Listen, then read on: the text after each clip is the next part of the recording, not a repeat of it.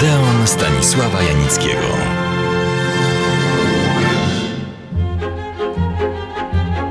Przed tygodniem zakończyłem, a raczej przerwałem swoją opowieść o pewnym dawnym, bo sprzed 90 lat, filmie polskim, który lata całe uważany był za zaginiony, a ujrzał jednak światło ekranów i ponownie oglądany być może. Streszczenie tego filmu wygląda tak. Bartek Słowik, chłop z Poznańskiego, zostaje zmobilizowany i wysłany na front we Francji. Bierze udział w bitwie pod Gravelot, w której zdobywa francuski sztandar i wyróżnia się nadzwyczajną walecznością. Generał Steinmetz przypina mu własnoręcznie swój żelazny krzyż. Bartek wraca do domu. Sądzi, że jego zasługi wojenne dla Niemców zostaną docenione. Za pobicie niemieckiego nauczyciela, który jego syna wyzywał od polskich świń, sąd skazuje go jednak na trzy miesiące więzienia i wysoką grzywnę. Ponieważ Bartek nie ma pieniędzy, jego gospodarstwo i tak poważnie zadłużone idzie pod zastaw u Niemca. Miejscowy pan, Polak, przegrywa wybory do niemieckiego parlamentu i wyjeżdża. Gospodarstwo Słowików natomiast zostaje zlikwidowane, a oni muszą szukać szczęścia gdzie indziej. Miłośnicy prozy Henryka Sienkiewicza, a nie tylko jego trylogii, rozpoznali, że opowiadam o adaptacji głośnego kiedyś opowiadania pod tytułem Bartek Zwycięzca. Jedna rzecz wymaga jednak uściślenia. Kiedy film szedł na ekrany w 1923 roku, a podejrzewam, że i dziś by tak było, uznawano za wojnę, na którą poszedł Słowik i wrócił z niej w chwale, pierwszą wojnę światową, bo ona była świeżo w pamięci, a nam się jednoznacznie kojarzy.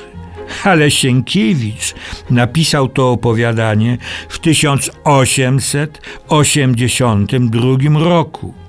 Wojna, na którą wyrusza Słowik, to wojna prusko-francuska z 1870 i 71 roku.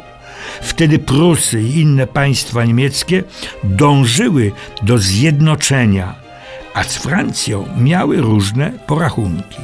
Wynik tej wojny spowodował zjednoczenie się państw niemieckich, tak między nami na naszą zgubę, i zrodził myśl władców nowych Niemiec z Bismarckiem na czele, że można pójść dalej i podbić osłabioną Francję. Dosyć tych amatorskich rozważań historycznych. Przywołałem je, ponieważ dzieje Bartka Słowika są z nimi ściśle związane. Wracam więc do filmu. Jego przyjęcie przez widzów, tu wróżę z fusów, i przez ówczesną krytykę było bardzo dobre. Taka jednomyślność zdarzała się również wtedy, bardzo rzadko.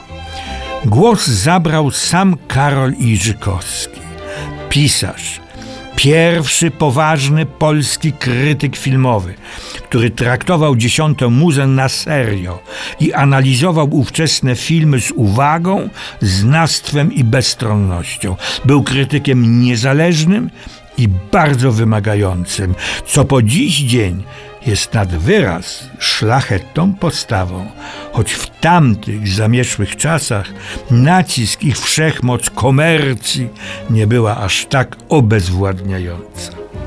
Odwołuję się do szacownych historyków polskiego kina i filmu. Stwierdzili oni, że choć Karol Iżykowski surowym krytykiem był, to uznał on Bartka Zwycięzcę za najlepszy wtedy film patriotyczny. Nazywał go zręczną przeróbką noweli Sienkiewicza. Przy czym, to już historycy, chodziło mu bardziej o walory literackie niż filmowe, czyli, cytuję, sceny bitewne, dramaturgicznie ważne należało zrobić pomysłowo, nie markować ich teatralnie. Związane z tym trudności inscenizacyjne pokonywać, nie wymijać.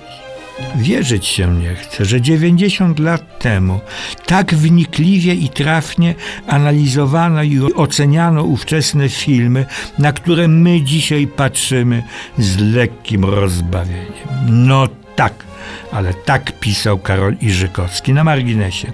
Wszystkim adeptom sztuki krytyki filmowej polecam fundamentalną książkę Karola Iżykowskiego Dziesiąta Muza.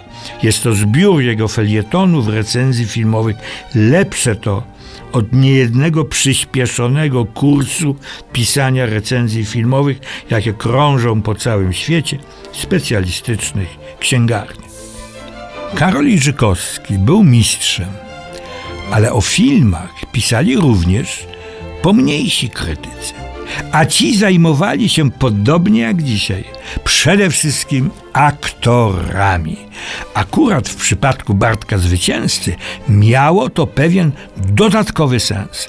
Grali bowiem w tym filmie obok aktorów zawodowych, czytaj teatralnych, również aktorzy niezawodowi i to także role główne pisano, że tragizm Bartka Słowika nie stracił nic na ekranie ze swej wielkości. Generał Steinmetz, Roman Żlarowski, Magda, Eugenia Zasępianka i pozostali bohaterowie wiernie oddali tu charakter swych sienkiewiczowskich pierwowzorów.